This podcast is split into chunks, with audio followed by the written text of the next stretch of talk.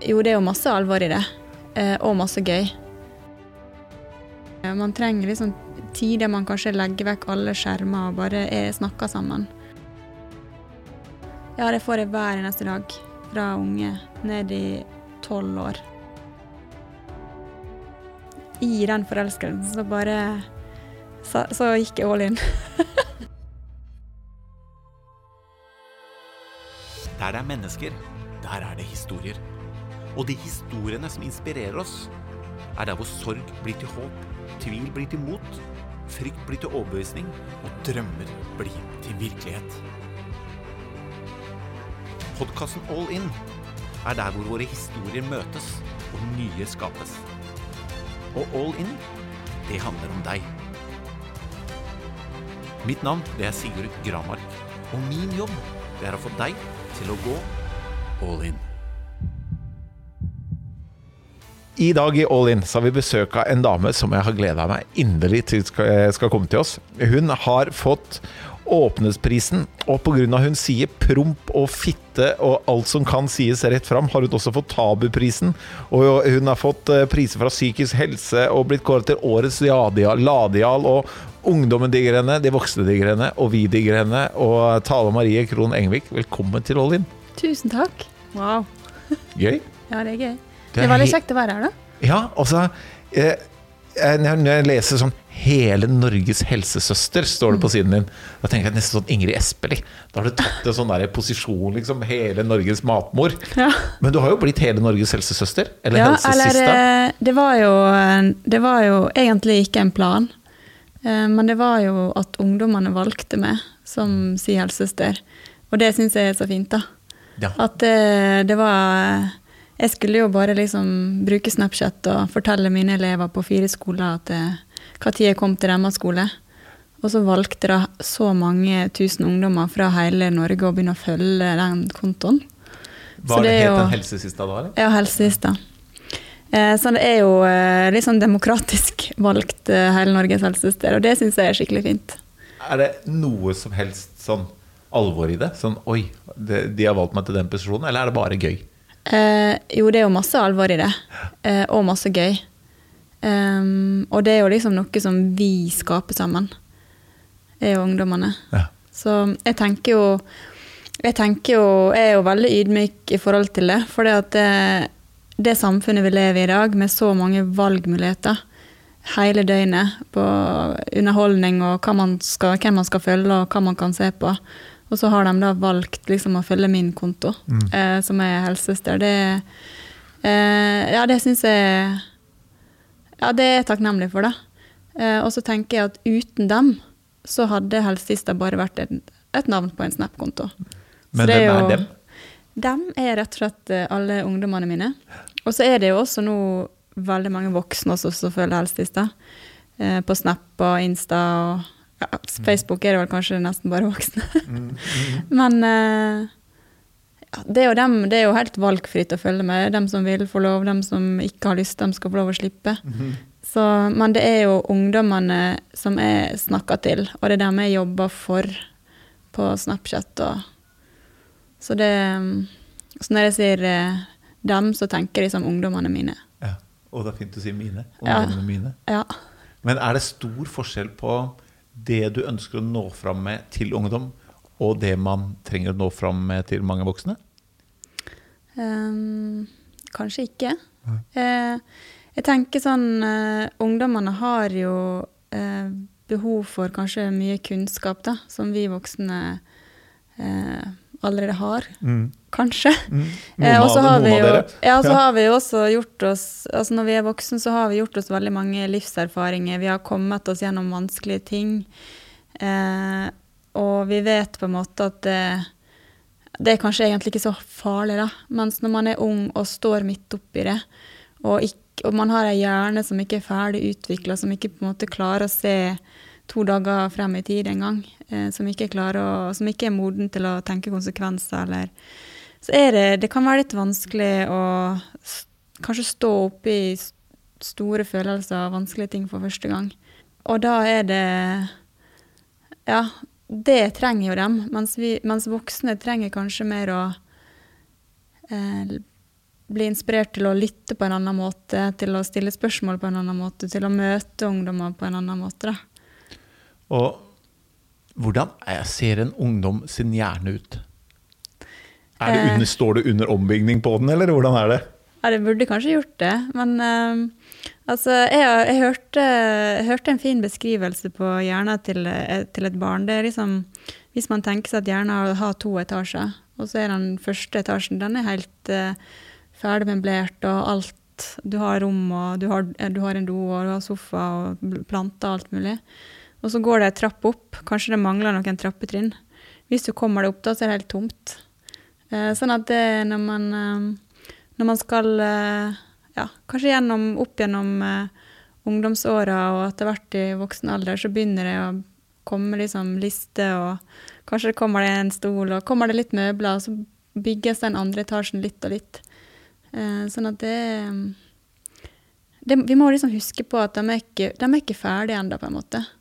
Eh, kroppen deres er ikke ferdig, ferdig utapå, og de er ikke ferdig inni seg. Og, og vi lærer jo hele livet. Og hjernen vår er jo plastisk. Den har jo evne til å endre seg og utvikle seg hele livet. Det syns jeg er skikkelig spennende. Mm. Ja, det er kjempespennende. At den er formbar.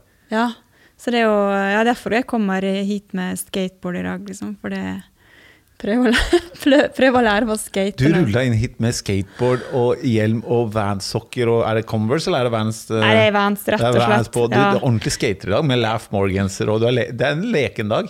Ja, i dag er det en sånn glad leken dag. Det er liksom en av de første fine vårdagene i Oslo. Det, det var ti grader før klokka ti, og vi bare venter på at liksom kostebilen skal komme og spyle fortet, og, og at det løvet skal sprette, liksom. Nå, eh, nå, nå bobler det litt inni meg, i hvert fall. Og jeg liker, og jeg sier jo ofte at du sier det med at hjernen er plastisk. Jeg sier at du har ikke hjernen den hjernen du er født med, du har den hjernen du, forner, den hjernen du fortjener. Fordi vi må jobbe med, da. Og Ja, vi må lære nye ting. Og, og ungdom eh, som sier at eh, de skater, eh, du skater eh, Altså, man kan fortsette å Vi lærer hele livet, men jeg tror at det, det er en sånn liksom bevisstlæring bevisst læring òg. At man må våge, hele, våge nye ting. Våge å, å, å prøve nye ting. Og jeg så du sa dette her med Når du våger å være annerledes, så åpner det rom for andre. Og eh, jeg liker jo ofte å si at annerledes er mye bedre enn bra. Ja.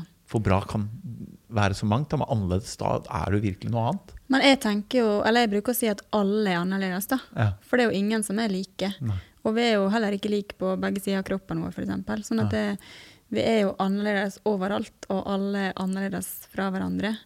Eh, og så er vi et av de landene i verden der vi er mest opptatt av å være lik eh, og skille oss ut. Det er veldig rart, syns Ja, jeg. det er jeg helt enig i. Eh, og at eh, ja, du, vi går inn i sånne roller og tilpasser oss og prøver å være sånn som vi tenker at alle andre vil vi skal være. Og er litt sånn sauete, syns jeg. Ja. Så, um, så vi må jo på en måte bare finne ut hvem er det jeg er, eller hvem er det jeg vil være. Og jeg kan jo ville være på ulike måter. I dag så har jeg Vans og Vans sokker og liksom eh, har liksom den stilen. En annen dag så kan jeg ha en annen stil, og da klatrer jeg kanskje ikke i trær og prøver å, å finne balansen på skateboard. Liksom det eh, Men det, det, trenger, det trenger ikke å være sånn at du enten er sånn eller sånn. Du må bare være, liksom.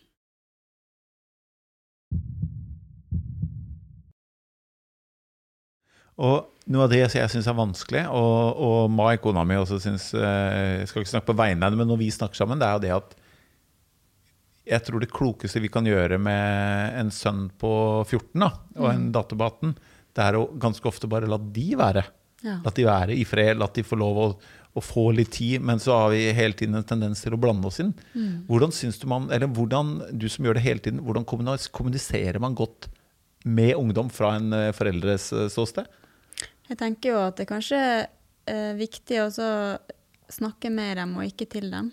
Mm. Forskjellen her. Forskjellen er liksom at du må stille spørsmål kanskje på en annen måte. Eh, jeg bruker å si sånn eh, For du er vant til å passe veldig på dem. Liksom vant til å eh, huke tak i liksom, eh, kragen på jakka når de er i ferd med å springe over veien på rødt lys. Og eh, du har på en måte det instinktet i deg at du vil for enhver pris liksom beskytte dem passe på dem så ikke de kommer i trøbbel eller opplever kjipe ting. Og, og så er det sånn at eh, de må rett og slett få lov til å komme i trøbbel. De må oppleve kjipe ting. De må lære seg å overleve ting som er helt forferdelig, så vanskelig og vondt at det, de kanskje nesten ikke vet hvordan de skal klare å være i sin egen kropp. Eh, og det er helt forferdelig som foreldre å liksom være vitne til. For du, du, vil jo for alt i verden at de skal ha det bra og klare seg godt. Eh, og så må du på en måte tåle å bare stå ved siden av og se, se hvor de strever. Uh, og det, det, er kjempevanskelig, og da må man kanskje være foreldre på en annen måte enn før, for du kan ikke liksom holde dem igjen i den kragen og liksom holde dem tilbake fra livet. Du kan ikke liksom putte dem inn i et teppe og svøpe dem ned i krybba liksom, og beskytte dem fra alt som er vondt. De må på en måte ut der og bare oppleve alle disse vonde tinga. Ja. Og så må du tåle det, og så må du bare velge å være der sammen med dem eh, i det til de kommer seg gjennom det og liksom har blitt sterkere og klokere inni seg sjøl. Du beskriver jo egentlig meg først her. Og jeg, det, så, jeg bare, det, bare, slo meg nå når du snakket, at det er så mange av oss foreldre som sier at når barna er før de er ordentlig ungdom, da, når de er 8, 9, 10, 11, 12, så skal de ikke sitte inne og spille. Kom dere ut, få litt skrubbsår, klatre i trær. Og du da liksom Kom igjen. Men når de begynner å bli ungdom og møter litt uh, den type hindringer, da skal vi de ikke har motstand. Da skal de ikke oppleve noe. Da skal jeg, da skal jeg dette, dette fikser jeg, og du tar den derre Jeg tar jo den veldig den ansvarsrollen for de, og selv om selvfølgelig Det er lurt å si 'la de stå i det', 'la de kjenne på det'. Det er, og, og, også det er en del av livet, da. Men det er jo vondt å se de man er glad i, sliter, da. Ja, det er veldig vanskelig. Og jeg har jo barn sjøl som er litt mindre, og jeg, jeg, klarer jo på en måte å forestille meg at det må være veldig tøft når det, den dagen kommer at, at, det, at det snur. Mm. Og jeg vet jo ikke sjøl hvordan jeg kommer til å håndtere det. Eh, så jeg øver meg litt nå. Men jeg, jeg ser i hvert fall hvordan ungdommene setter pris på måten jeg møter dem på. Um, og det er jo at jeg, at jeg liksom tar imot dem uansett. Jeg aksepterer alt de kommer med. Jeg dømmer dem aldri. Eh, de vet at det er en person som er der uansett, og til og med selv om ikke de får svar, på snappene de sender meg, for de, de, er så mange at jeg klarer ikke å svare alle. Så, så, føler de at de får en slags trygghet bare av at det er der. Ja. Eh, Senest i går så fikk jeg melding av ei jente på det var ei jente på tolv år som hadde blitt veldig redd etter at hun fikk et dickpic av en gutt uh, i slutten av tenåra. Og så, så sa, fikk hun litt råd av meg, og så, så, sa hun sånn Når jeg ser på TV-serien din, så blir jeg, føler jeg meg så trygg, liksom. Ja. Og det er sånn effekt at de, de, vet på en måte at jeg er der for dem, at jeg alltid støtter dem. Og jeg tror uh, som foreldre så må man uh, kanskje si det til barna sine, at det, dere kommer til å eh, gjøre skikkelig dumme ting. Dere kommer til å havne i trøbbel, og dere kommer til å ta dumme valg. Dere kommer til å få det skikkelig kjipt. Dere kommer til å ønske at dere nesten ikke var i live, for det, det er så vondt over dere. Og den dagen du får det sånn, eller opplever noe så kjipt, eller har det så vanskelig, eller kanskje noen av vennene dine har det sånn, så vit at du kan komme til meg og så mm. fortelle det til meg. Og så skal jeg gjøre alt jeg kan for ikke å bli sint. Det kan jo hende at de har gjort noe de egentlig ikke hadde lov til, f.eks. Um, skal jeg bare være der og støtte det så godt jeg kan, og hjelpe det. Uh, at du alltid skal vite at det er der. For det at Eh, de, de, prøver nesten å De har det så kjipt at de ikke vil leve lenger, men allikevel så vil ikke de belaste foreldrene sine eller gjøre foreldre bekymra, eller at de skal Eller plage dem liksom, hvordan de egentlig har det. Og det er jo ikke sånn det skal være. Nei, og jeg, jeg tenker sånn bare Når du snakket så bare jeg og tenke på Er helsesista i tillegg til istedenfor, eller har vi mislykkes når de må gå til deg som foreldre? Nei, jeg tenker sånn Det skal jo også um, En del av det å bli ungdom og voksen, det er også den løsrivelsen. Eh, som man skal gjennom. Sånn at jeg tenker det er ikke bare kroppen som utvikler seg, at den ene puppen plutselig begynner å vokse, og den andre ikke. og liksom man, eh, man, mister litt kontroll over sin egen kropp. Men det er også den psykologiske rulleskrivelsen. For det, det, er jo et veldig sånn sterkt bånd mellom foreldre og barn eh, så lenge man har, en, har, det trygt og godt sammen. Og eh, det skal jo på en måte De skal jo løsrive seg for å klare seg sjøl i verden. Sånn at det er jo Jeg tenker at det er en naturlig forklaring på at uh, man som foreldre plutselig blir teit, og uansett hva man gjør, så blir man dum og eh, idiot, og det smelles med dører, og det krangles, og det er liksom eh, men, men, så trenger de også på en måte Selv om de skyver foreldre mye vekk, så trenger de fremdeles foreldrene sine. At man prater sammen at man spiser middag sammen. Noe som man i stor grad har slutta med her i landet. Mm. Eh, at man eh, Ser du middagen som en sånn Det er et bra sted å snakke med ungdom, eller? Ja, det er, liksom, det er liksom bra å sitte og skravle liksom om alt mulig rart og ingenting. Eh, for det at man trenger noen sånne samlingspunkt, i hvert fall. Om det ikke er middagen, om det er frokosten, eller om det er kveldsmaten, eller det Man trenger liksom mm. tider man kanskje legger vekk alle skjermer og bare er, snakker sammen. Eh, eller er sammen, eller gjør ting sammen, eller gjør noe annet. Ja. Eh, sånn at det mm, Og så trenger de, de trenger omsorg og trøst og kanskje en, eh, en klem på senga, selv om de har blitt store. Mm. Så, så, man må jo Er en klem viktig? Er en klem Altså, jeg når jeg møter ungdommer, så klemmer de meg veldig. Mm. Etter foredrag og sånn, så kan jeg for ungdom så kan jeg få jeg vet ikke hvor mange klemmer. Og jeg klemmer dem litt sånn, jeg liker litt sånn lange klemmer. Da. Jeg merka når du kom her nå, så du ga meg en skikkelig god klem. Ja, det var, med, da, det var liksom med hjelm. Eh, du kan ja. få en etterpå liksom uten hjelm. Enda er, bedre. Ja. ja eh, men, eh, men eh, jeg kan få melding etterpå som Jeg har aldri fått en så god, god klem før. og eh, Klemmen din var ti av ti. Sånn at det de, de, trenger, de trenger en god klem. 17-18-19 år, vi skal gi dem en klem. En skikkelig god klem. Ja, hvis de, Kanskje ikke sånn ute på, foran kompisene, eller sånn, men uh, kanskje de trenger Og så kan man spørre kan jeg, kan jeg gi deg en klem, liksom. At man kan spørre, Og så kan de velge å si ja eller nei. Ja. Uh, og ofte hvis de er sinte, så er de kanskje egentlig lei seg. Ja. Uh, for man kommuniserer ofte ikke den egentlige følelsen sin. Ja. Og det, er, det, tror jeg er greit for oss foreldre å tenke på. Mm. At når de fremstår som sint, det du ser er sinne, men det som ligger bak, er at de er mer lei seg, mer sorg. Ja, og det kan jo være det sånn samme med ektefellen. ja, at av og til så bare kommuniserer man egentlig at man er sånn sur og irritert, men så er, er man egentlig kanskje ja, lei seg eller såra eller skulle ønske at den andre så en på en annen måte. Eller. Så vi, vi må jo rett og slett alle sammen kanskje bli flinkere til å å si sånn Akkurat nå er jeg faktisk lei meg, og jeg trenger en klem. Eller eh, istedenfor å smelle med et eller annet og si 'Å, du kommer alltid for seint', liksom. Eller ja.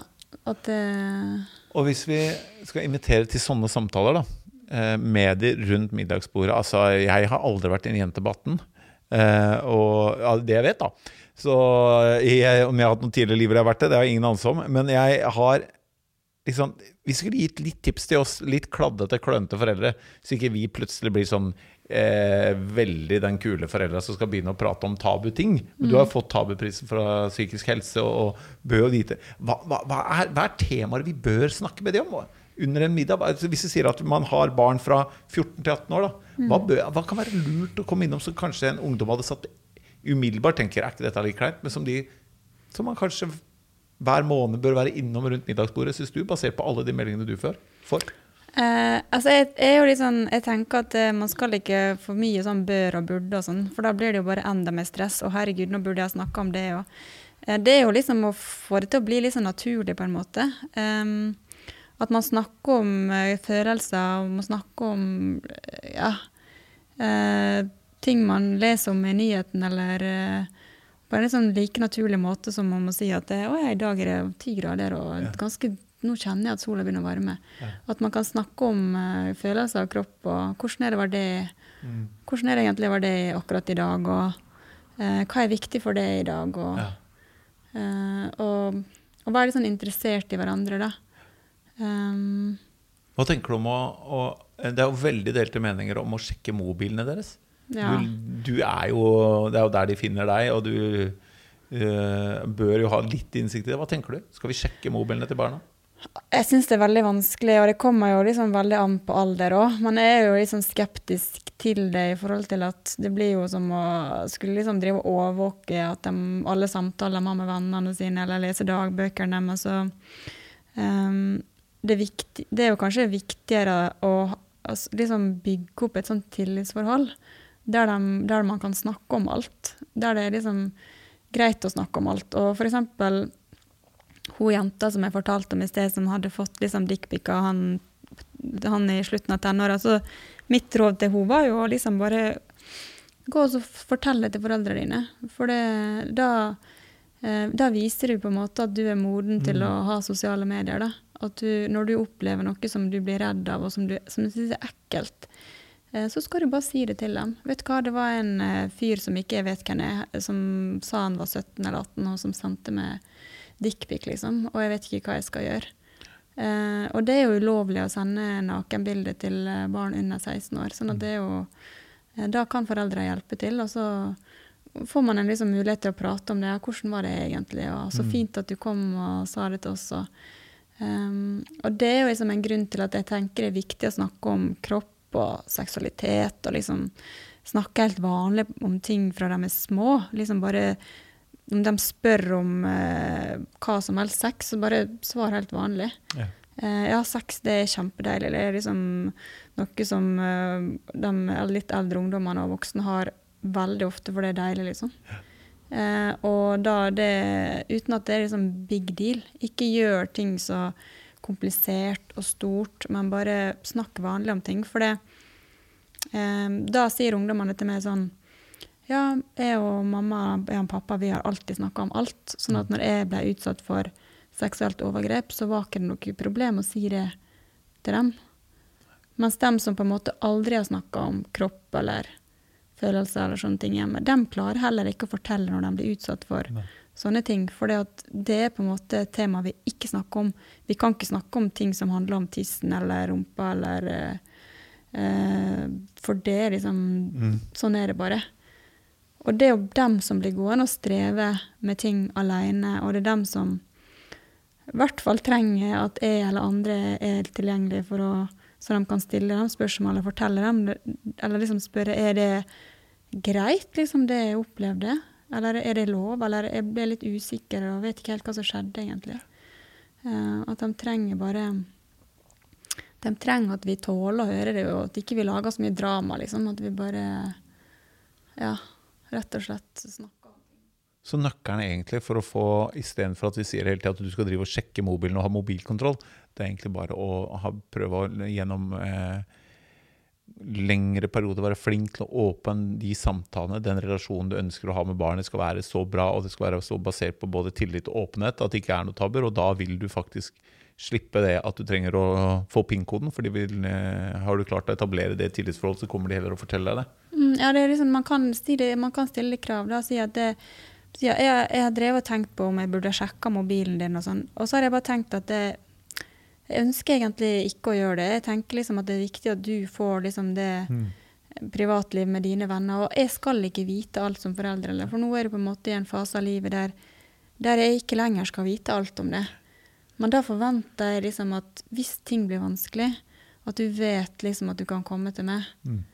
Uh, og at man kan være så åpen og ærlig og si det. Og si at det, og, og si at det og bare smøre litt hardt på. Du kommer, helt, du kommer til å oppleve helt jævlige ting. Du kommer til å få skikkelig trøbbel. Du kommer til å gjøre en dum feil. Kanskje vips, har du sendt et nakenbilde fordi at du var, vil, veldig ønska at en fyr skulle, eller ei dame skulle like det litt ekstra godt. Uh, og så ble ikke det helt sånn som du trodde, og så blir det Og det er sikkert kjempeflaut, eller du kanskje opplever noe annet dumt, men da bare kom og si det til meg.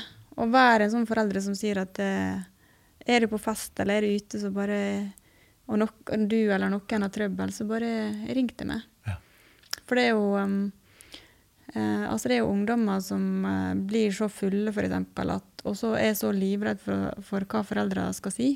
at de går og gjemmer seg og sover i et, uh, en gammel telefonkiosk eller et eller annet, og risikerer da Altså det er jo farlig hvis man har drukket veldig mye eller fått i seg et eller annet, at man kan uh, få pustestans eller mm. uh, Men da må du rett og slett Ja, du kan, du kan være liksom tydelig da, på hva du forventer, men også at det, i de forventningene dine så ligger det også at det du kan forvente at når, når du, den dagen du får trøbbel, så bare så bare si det til meg, liksom. For det er jo litt sånn det du sa, både at vi alle har vært unge en gang, og vi mm. alle har både Ikke alle, men i hvert fall undertegnede. Har både blitt for full én og to ganger og, og, og gjort eh, dumme ting både mer enn én en og to ganger. Og eh, du har jo også vært ung. Mm. Eh, og eh, vi eh, Før så gjorde det Eller de dumme valgene når du sier at i dag når man er forelska og gjør dumme valg, så kan det være å sende et nakenbilde. Ja. Men før, når man øh, gjorde dumme valg når man var forelska, mm. så var jo ikke det alltid at man, eh, man, Vi hadde jo ikke kanskje mobil, nå er jo du veldig mye yngre enn meg, da, men øh, øh, vi, vi, sendte kanskje ikke bilder. Nei. Men du også har jo vært ung en gang. Ja, altså, min, altså Jeg fikk jo mobil seint i tenåra, og den gikk det bare an å spille Snake med. Liksom. Det var jo det mest spennende man kunne gjøre med den. Men vi snakker jo på altså, Du har jo det, var det i 2006 du ble sykepleier? Ja. ja. Og før det så har du jo drevet dine studier, og du brukte jo mer enn, år, nei, mer enn tre år på videregående. Ja. Eh, og var det noe forelskelse inne i bildet der? eller? Ja, alltid. Vi gjør rare valg når vi er forelska. Ja. Så når vi kjefter på barna nå at du kan ikke sende et sånt bilde, eller noe sånt, så kan vi andre tenke hva gjorde vi når vi var forelska, ja. som var rare valg? Men vi hadde ikke mobil, men vi gjorde andre ting. Ja. Hva gjorde du, da?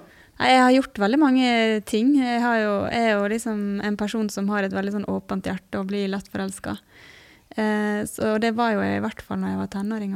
På den første TV-episoden min som handla om nakenbildet, så um, da oppsøkte jeg faktisk en jeg var veldig forelska i tenåra, som jeg prøvde å imponere ved å lage vafler og massere hodebunnen hans.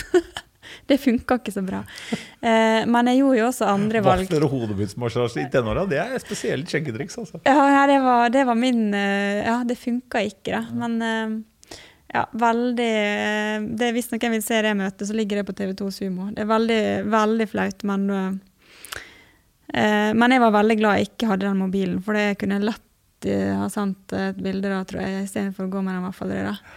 Men eh, jeg husker når jeg begynte på videregående, Eh, så, ble, så, så jeg en eh, Da gikk jo jeg VG1, så så jeg en eh, VG3-elev i kantina på skolen. Og jeg ble så forelska. og han, han, gikk på roing, da. Ålesund roklubb. Og jeg spilte jo håndball. Hadde gjort det ganske mange år, egentlig. Um, men da, i den forelskelsen, så bare så, så gikk jeg all in. og så slutta jeg på håndball, og så begynte jeg på roing. Som eh, Man er vel 16 da, kanskje? Ja, sikkert ja. på vg ja. ja. Og så På roinga så var det Det var jo veldig mye trening, da. Hadde du noe, noe, forhold til roing fra før? Nei, aldri Nei. herlighet. Aldri liksom eh, Jeg hadde kanskje sittet i en sånn gammel trebåt eh, på et lite vann oppe i fjellet med foreldrene mine en gang. Men jeg hadde jo aldri vært i noen robåt. Så det er jo sånne små, smale robåter eh, som er ganske ustødige på vannet. Og eh, man kan sitte enten alene eller sammen med to, sitte to sammen, eller fire sammen, eller åtte. Det er liksom det meste, da. Eh, så da fikk, fikk faktisk med meg tre, tre andre venninner. Eh, så vi begynte å ro en sånn dobbeltfirer. Eh, og det her var bare fordi jeg var så forelska i han. Eh, Johan het han. Og, hei, Johan. Ja, hei. og han, han var jo ikke interessert i mer, men jeg gjorde jo liksom alt jeg kunne for å imponere han, så jeg gikk jo da på alle rotreningene, dvs. Si hver eneste dag, og to økter i helgene. Eh, og det, det, Altså, jeg klarte ikke å følge opp skolen ved siden av. Nei. Og jeg syns at det matte var litt vanskelig, så, og jeg hadde en mattelærer som bare ikke var så veldig flink til å motivere på riktig måte. Så, så da um, droppa jeg å gjøre den matteleksa og fikk liksom eh, i matte, så jeg strøyk rett og slett i matte på videregående. Eh, og da valgte jeg å um, bytte klasse til idrettsklassen fra VG2.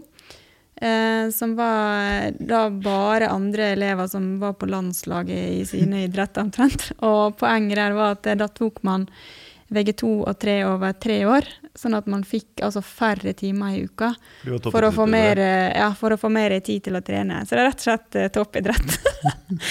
eh, men eh, ja.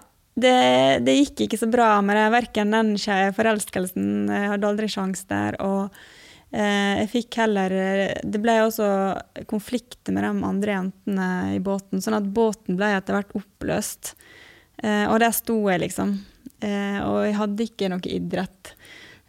Så, men jeg hadde liksom ganske rolig og fin tid på videregående. ja, Så tok det over fem år? Ja, så tok jeg det over fem. Ja, for da, da tok jeg det over fire år, og så um, etter jeg var ferdig da, etter fire år, så reiste, jobba jeg og reiste jorda rundt. Og så måtte jeg ta opp igjen den mattekarakteren som jeg hadde strøket.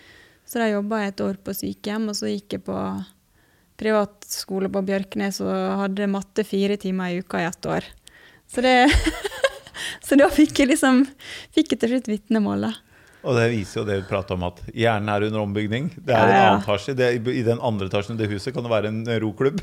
Ja, og det er litt sånn tomt. Vi gjør rare valg, eh, og de valgene ungdommen har i dag, blir, blir gjort dumme kanskje på mobilen, men jeg tror det er alle foreldre, både den dere har fått barn med, andre dere har vært forelska i, vi har gjort dumme ting, vi også. Mm. Og hvis man tør, og noe av de jeg jobber mye med, er å se litt lenger enn her og nå. Mm. Og at slapp av. Altså, eh, hvis jeg blir i det bildet her nå, så kommer det til å bli så mye følelser, og jeg blir stressa av den situasjonen jeg er i med barna. og, og, og sånn akkurat nå, så Bare sette blikket ett, to, tre, fire, fem og kanskje fem år fram, eller ti år fram. Mm. Dette går fint. Ja. Og det tror jeg er lurt å tenke på. Vi har vært der, de er der nå. og La de tørre å stå, og, og, gi de litt rom da, til å, å finne noen løsninger selv. Det, det, det, det syns jeg er viktig. fordi vi, eh, vi, har alle vært der, og de blir eksponert for mye mer informasjon, og feilene og det de gjør, blir mye mer synlig mm. enn de gjør. Og det tror jeg er for at vi ikke mestrer det da, så blir vi veldig stressa, vi voksne.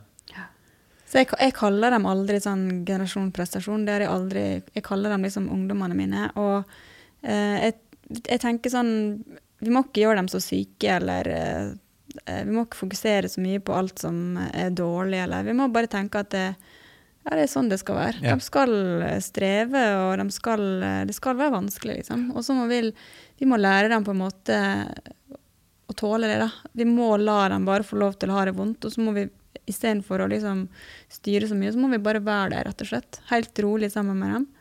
Eh, så de kommer seg gjennom disse stormene og lærer seg på en måte å håndtere livet som er så vanskelig, uten å kutte seg opp og prøve å ta mm. livet sitt, men bare eh, ja, finne måter å klare å være i kroppen sin på eh, til han på en måte får det bedre. Og det er helt umulig å si hvor lang tid tar. Både liksom eh, Hvis man ja, er veldig redd, eller hvis man eh, har skikkelig kjærlighetssorg, eller hva det måtte være, så er det vanskelig å Det er kjempevanskelig, og mm. sånn er det for mm. alle. Og det blir ikke noe lettere med åra. Vi møter liksom alle sammen ting som er vanskelig hele tida. Mm. Det, det, er sikkert, og det er jeg som jobber med næringsliv og voksne, og problemene ikke er der, og de kommer bare i andre former. og livet er ikke en, det er ikke en rett linje, altså. Men i forhold til det med, med et eget TV-program, da. Det, mm. Var det i, nå i mars det ble lansert? Eller? Ja, ja, det var vel var det 1. mars det, mm. på TV 2 og TV 2 Sumo. Det heter Helsesista? Det heter Helsesista gjør en forskjell. Um, så da um, har det ti episoder med viktige tema som uh, jeg og ungdommene er opptatt av. Det, så langt så har det vært, uh, det har vært uh, send nudes, veldig aktuelt. Oi. Nakenbilde. Og så har det vært gutter og følelser, som jeg er veldig opptatt av. Ja. Hvorfor er du opptatt av det? Eh, jo, fordi at det, det, er mange gutter som tenker at det, eller alle, har jo, alle mennesker, uansett kjønn, har jo følelser. Og veldig mange gutter har en tanke om at det å snakke om følelser eller vise følelser er kanskje en svakhet. Mm. Mens, mens, sannheten er at det kan kreve ganske mot, mye mot å skulle si hvordan man egentlig har det. Mm. Eh, sånn at å klare det er faktisk en styrke. Og det er noe av det jeg, vi, eh, Vi hadde Pellegrino Riccardi som foreleser i det All In Academy, det lederseminaret jeg har. Han snakka om akkurat det samme for voksne menn. Ja.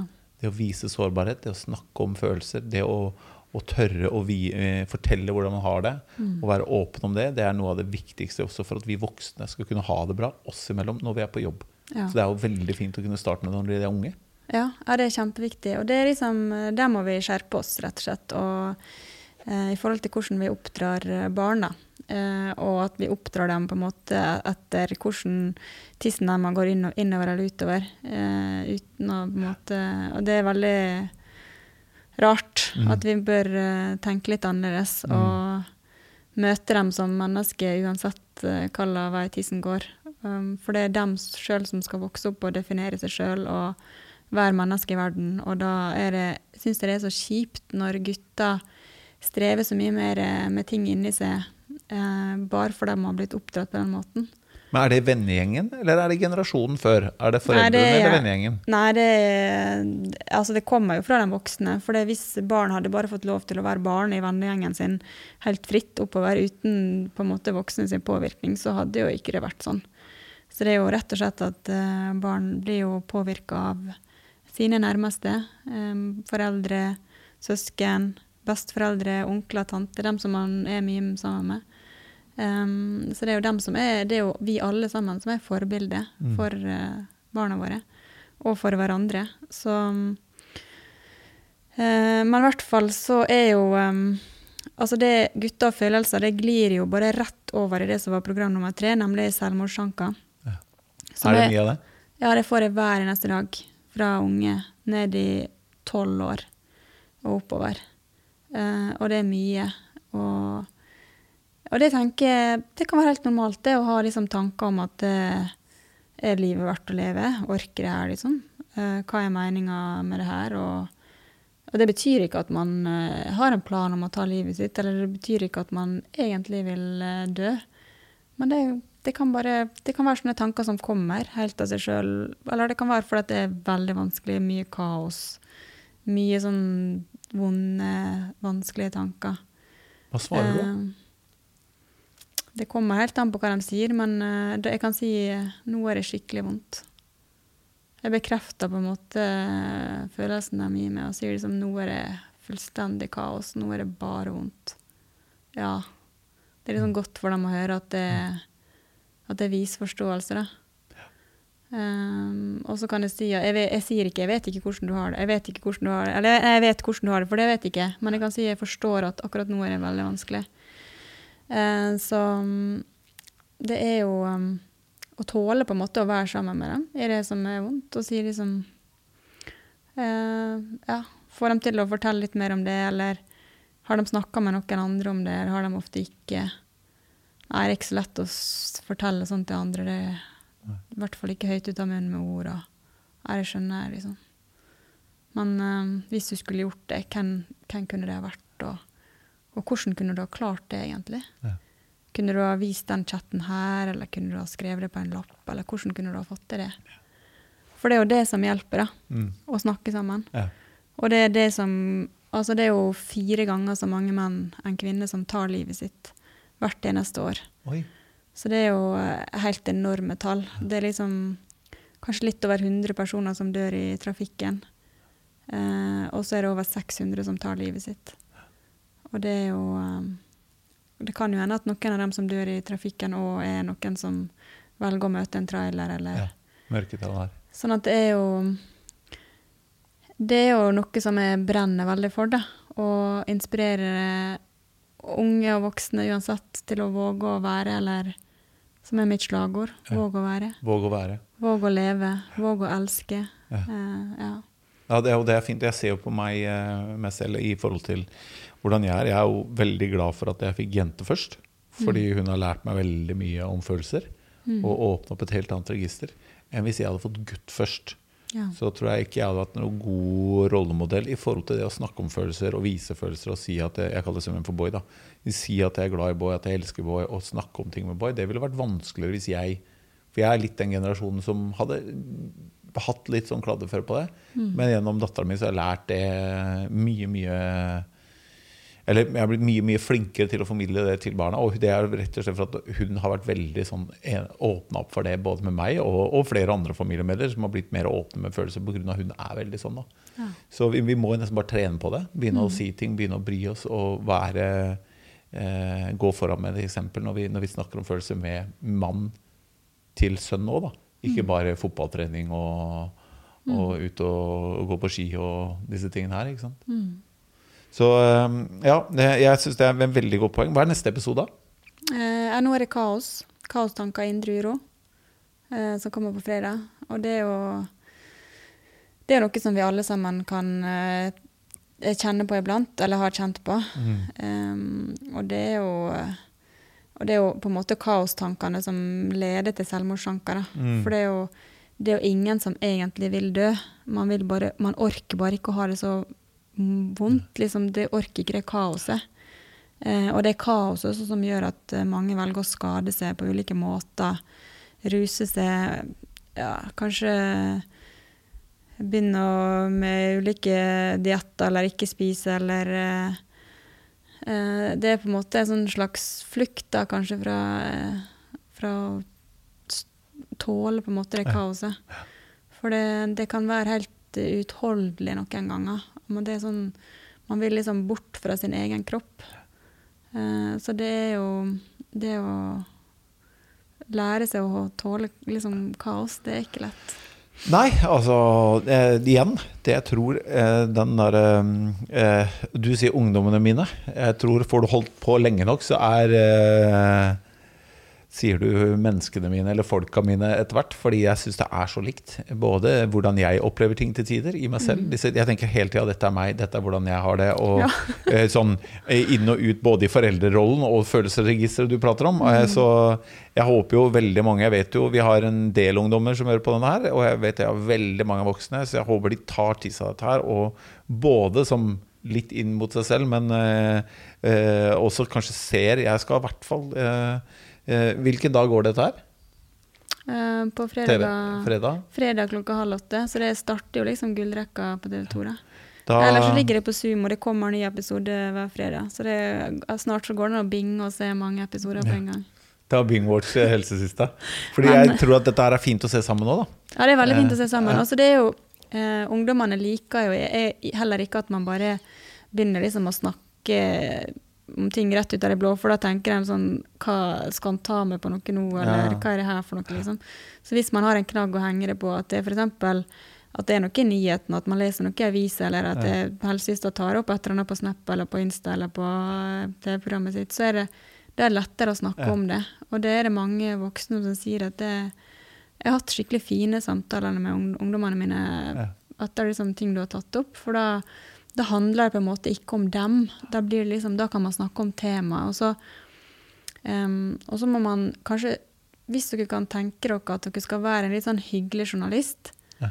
uh, som er litt tilbakelent og liksom stiller litt åpne spørsmål og reflekterer litt og hm, hvordan kan det være, og hvordan er det liksom med gjengen din, og hvordan har det vært om sånn og sånn, og og så er ikke det alltid at man får et svar med en gang det kan gå noen dager. For det mhm. kan gå litt treigt med, med de ungdommene av og til. Men da kan man liksom Du husker det vi snakka om her forleden, sånn, at man kan ta opp igjen tråden. da. Ikke rushe det. Ikke rushe det. Så det er veldig fint å snakke om ting, eh, ikke nødvendigvis rundt bordet, middagsbordet, men uh, kanskje når man er ute og kjører, eller liksom gjør noe annet, sånn at man mm. slipper å se hverandre nødvendigvis sitte og se hverandre i øynene hvis man ikke er vant til å snakke så mye. Ja. Eh, men det å begynne å øve seg, det er i hvert fall veldig viktig. Og eh, jeg syns kommunikasjon er kjempespennende. Mm. Og det er jo noe som vi må øve oss på hele livet. Eh, jeg øver meg masse hver eneste dag. Mm. Eh, og, og sånn som du sier at du føler at det er relevant for deg. Altså, det er jo, det er jo meg også. Jeg bruker masse meg sjøl. Jeg bruker liksom hele meg som menneske i den jobben jeg gjør. ved at eh, både liksom livserfaringer fra tidligere, men også ting jeg kan kjenne på nå.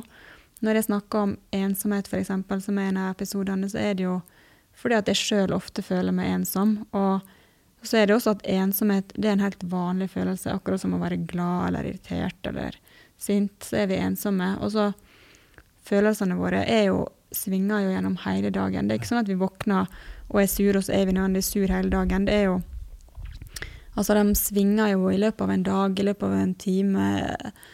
Akkurat nå så har vi det sånn, og så går vi herfra etterpå, så vet jeg Kanskje vi opplever et eller annet så vi blir enda gladere, eller kanskje blir skikkelig irritert, eller lei oss for noe. Vi vet liksom ikke eh, hvordan det vil bli, men følelsene svinger hele tida, og alle følelsene er helt normale. Alle tanker er normale. Det er ikke sånn at noen tanker er liksom grønne, og noen er røde. All, all, alt er liksom tanker. Ja. Alt er bare, Sånn er det bare å være menneske. Det er et godt poeng. Det der med grønne og røde. Ikke begynne å putte ting i bokser. Nei, det er liksom Det er bare tanker. Det er bare tanker. Og jeg bruker heller å si sånn OK, du kan se at tankene dine kommer, da. Altså, kanskje noen tanker er veldig mørke og vonde, og så kan du Du kan liksom Skal de få lov til å på en måte Hvis de er en fugl, da, skal de få lov å sette seg opp på hodet ditt og bygge et reir og sitte og drite på det? Eller skal, de, skal du bare liksom la dem fly videre? Men at de skal få lov å komme, Ja. og de skal få lov kanskje å sette seg litt på hodet ditt, og så, og så kan du la dem fly videre. Du trenger ikke liksom å bare eh, invitere dem til å bo, bo der liksom, og ta over hele Ta over alt. Men, eh, men det er ikke noe farlig. Det er bare tanker.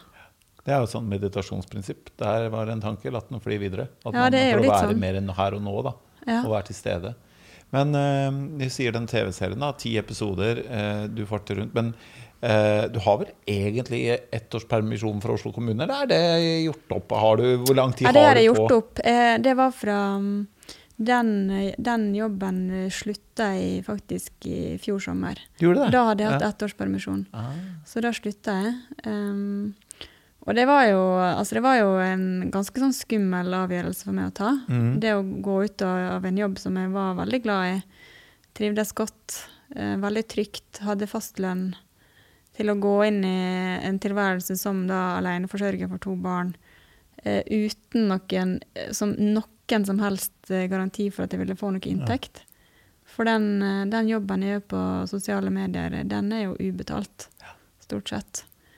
Um, så det var jo liksom flaks at jeg hadde så mange unge som fulgte, da, som gjorde Mm. at det, Oi, hun der er jo litt interessant, kanskje vi skal booke henne til å holde et foredrag. Ja. Uh, og så begynte jeg med det. Uh, og jeg som på en måte Jeg har jo Altså, jeg har, jeg har alltid hatt god selvfølelse, men jeg har hatt ganske dårlig selvtillit på det å liksom rekke opp hånda Ja. på videregående. Det, jeg var ikke den som gjorde det. For det var alltid noen i klassen som sa ting bedre enn meg, som hadde finere ord og sånn.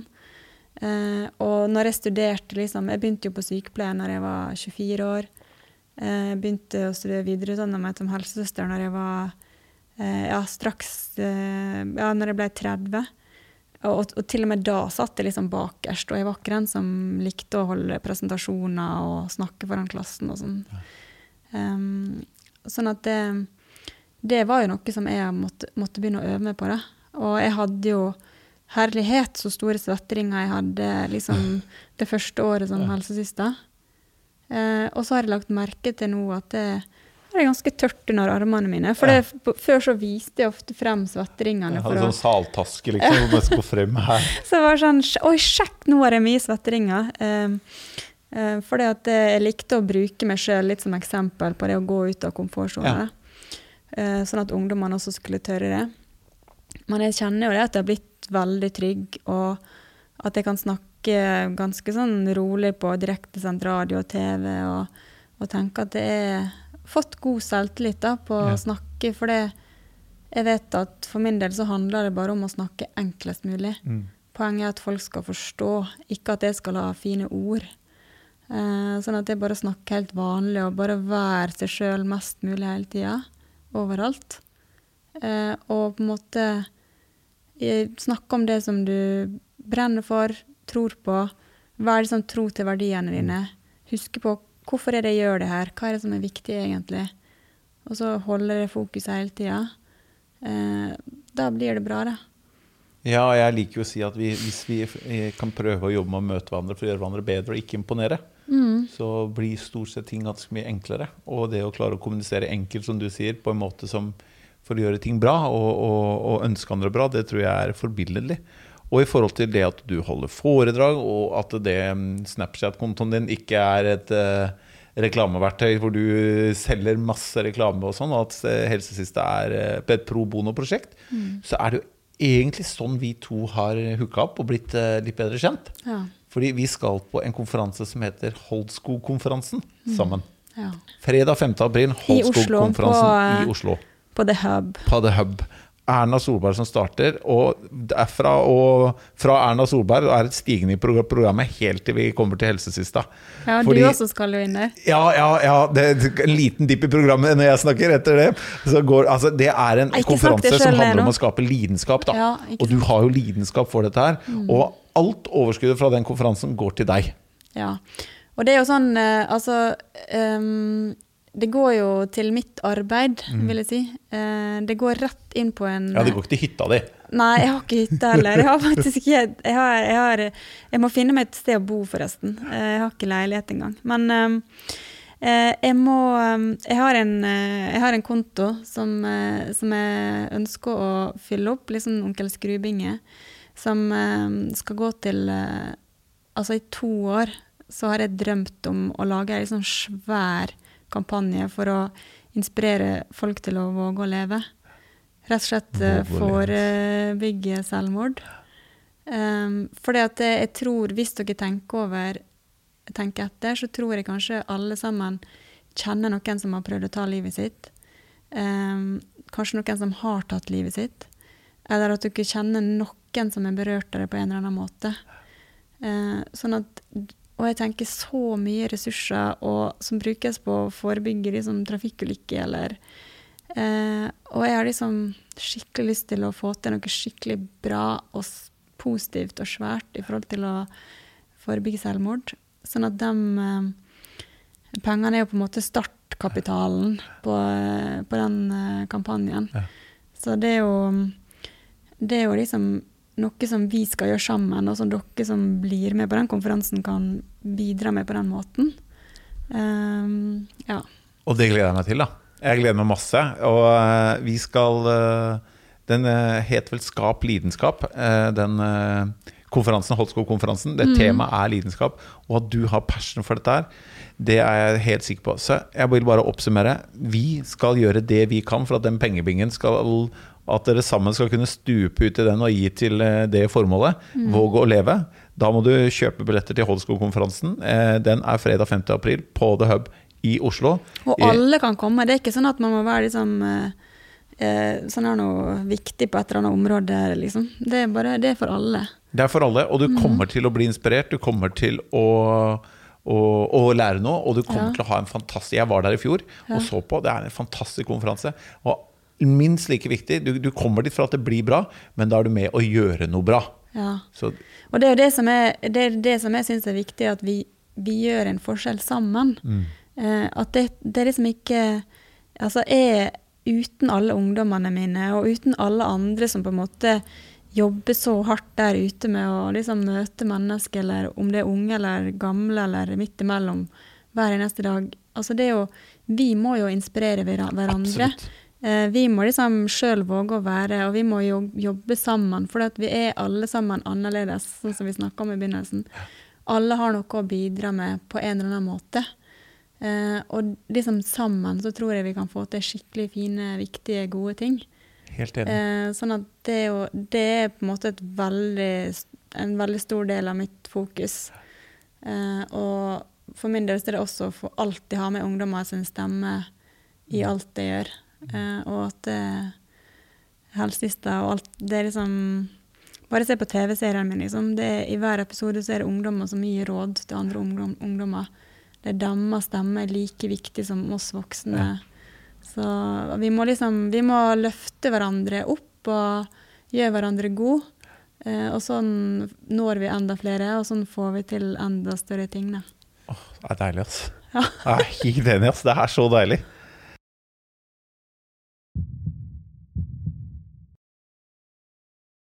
I denne podkasten har vi noe som heter The All-Ins. Og de, vi, eh, de, spørsmålene stiller vi til alle gjestene. Helsesiste er intet unntak. Okay. Eh, Shoot. Hvilket spørsmål er det du ønsker at jeg egentlig hadde spurt om, som jeg ikke har stilt? Ja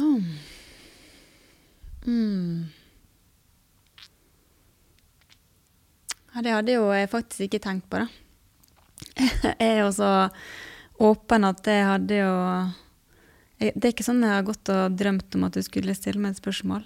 Um, Tenk deg det hadde vært sånn at du fram til du kom hit hadde gått og drømt om et spørsmål fra meg. Da hadde jeg vært fornøyd. altså. ja. Nei, det hadde jeg faktisk ikke gjort. Um,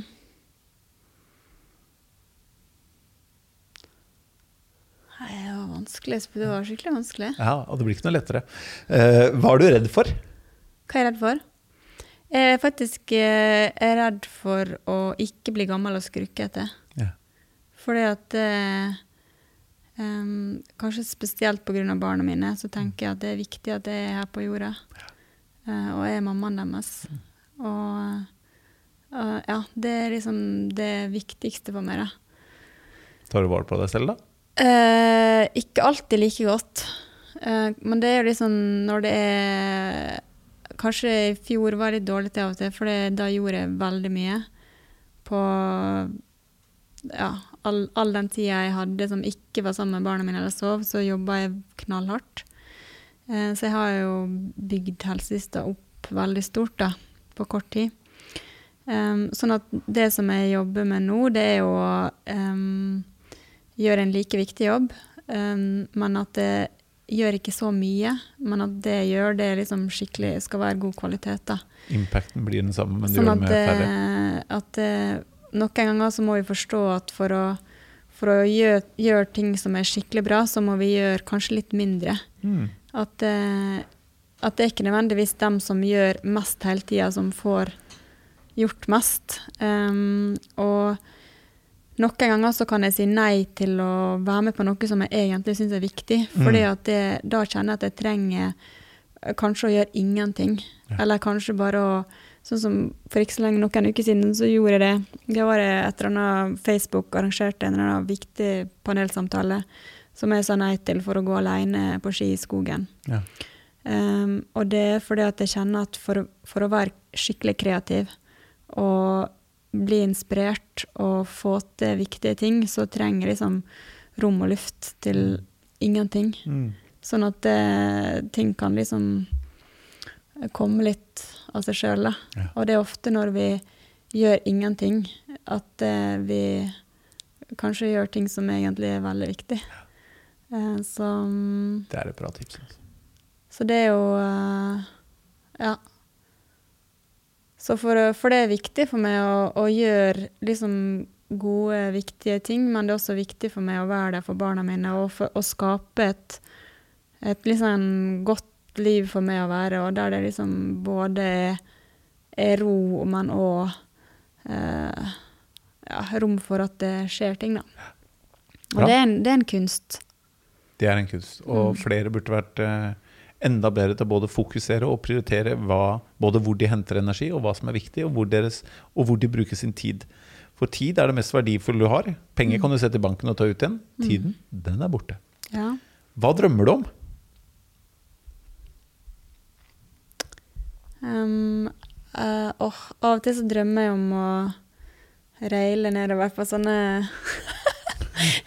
På skateboardet. Men det jeg har, jeg har ikke sånn veldig Jeg tenker, jeg sier den drømmen skal bli virkelighet. At jeg skal liksom flyge nedover rekkverk på skateboardet. Men uh, da skulle jeg begynt kanskje for 30 år siden å skate.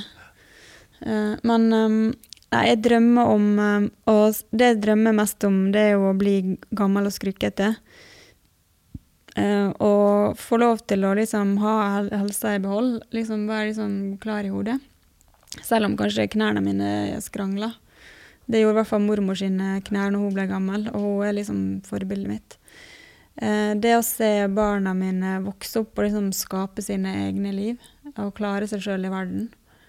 Eh, og så drømmer jeg om at eh, vi kanskje blir enda flinkere til å være gode mot hverandre og fokusere på det som er positivt. Og ja ehm. At Det er vi har det. At, eh, at, eh, at det er god energi rundt. Rundt meg uansett hvor jeg er. Det er Liksom. det nå, i hvert fall. Ja. Jeg syns det. Eh, hvis du skulle valgt én gjest her da, som skulle sitte i den stolen, hvem er din drømmegjest? Som skal sitte i den stolen. Eh, Som din? du sitter i? Hvem skulle du, hvis du skulle satt deg når du cruiser nedover eh, Karl Johan eller en eh, sidegate hvor det er litt lite biler, med headsetet på ørene, og så skal du høre på en podkast, hvem, er- hvem, hvem person ville du hørt på? Eh, kanskje Det må jo mm, ja, Kanskje Wenche Knutson skal få lov å sette seg her. Ah, men, oh ja. Har hun vært der? Nei, Nei. det er bra tips. Eh, hun er liksom ei skikkelig bra Hun er dama mi, liksom. Eh, ikke sånn på ekte, men, eh, men på en måte, liksom. Hun er, hun er skikkelig bra. Ja. Hun uh, gjør gode ting for, Wenche eh, Knutson. for uh, både unge og voksne. Hun har annet et uh, prosjekt nå som heter Skravlekopp. Som er en kopp som heter Skravlekopp, som er på ulike kafeer. Som gjør at hvis man kjøper drikken sin i en skravlekopp, så viser man at man er åpen for å prate med noen. Mm. Så det er jo um, ja, bra dame. Vi hadde Bjørg Thoralsdottir her. Jeg mener at vinen, vinen hennes het skravlevin, hvis jeg ikke husker feil. Ja. Eh, hvis du må droppe alt du gjør i dag, bortsett fra én ting som du må gå all in med, hva er det? Um, Du trenger ikke si barna dine. Jeg trenger ikke å si barna. Droppe alt. Dette er fokuset mitt. Er det kanskje finne kjærligheten?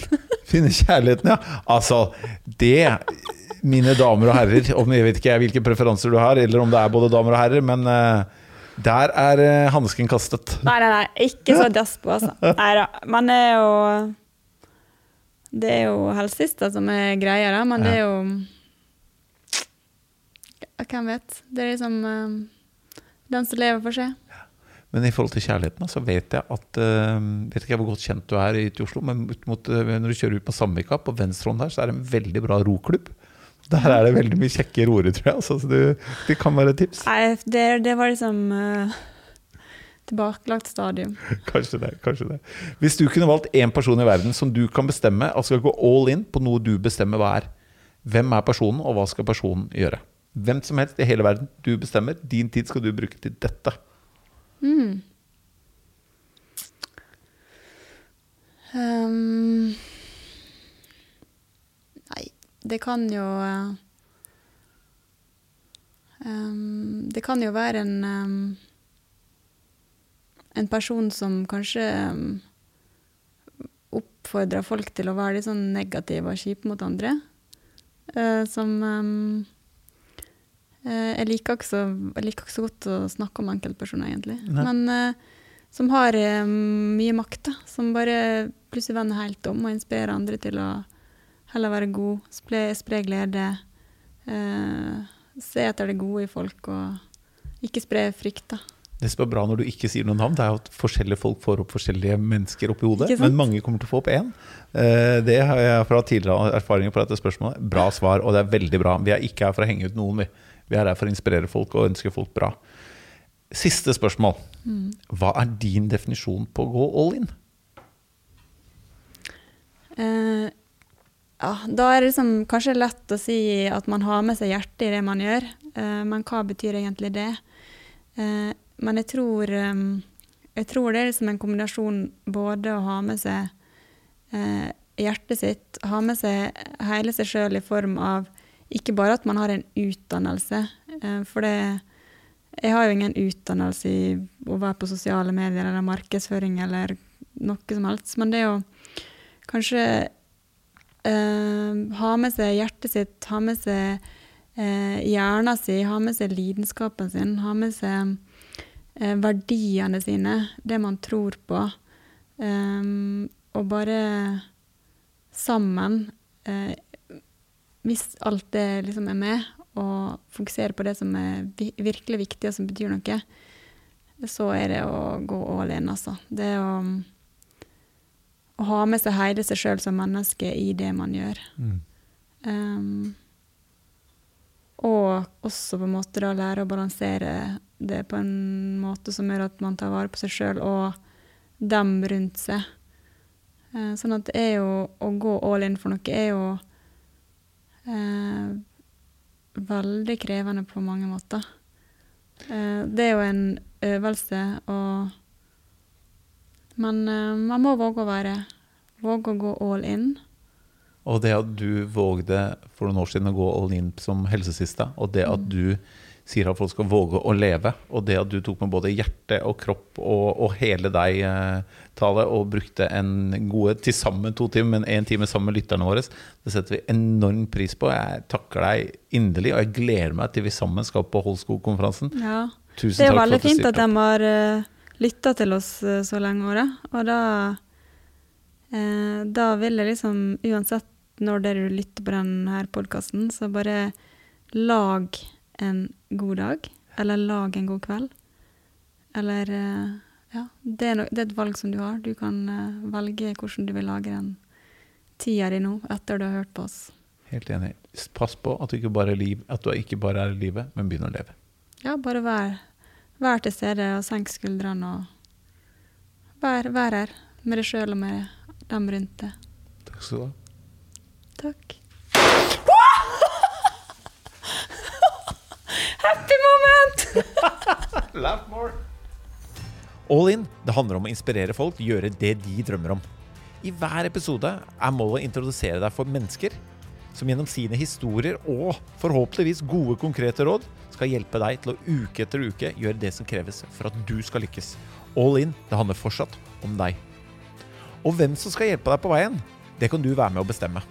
Gå inn på All In Sigurd Gramark på Facebook eller Instagram og send oss en melding med det som er din drømmegjest. Så skal vi gjøre det vi kan for å få hun eller han hit. Liker du denne podkasten, så setter vi stor pris på om du kan gå inn og rate oss på iTunes. Det vil hjelpe oss å få dine drømmegjester hit i fremtiden.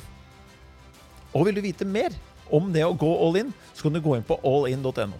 Der får du vite om det All In Academy, du får vite om foredrag, du har bøker der, og du har masse materiale som vil inspirere deg.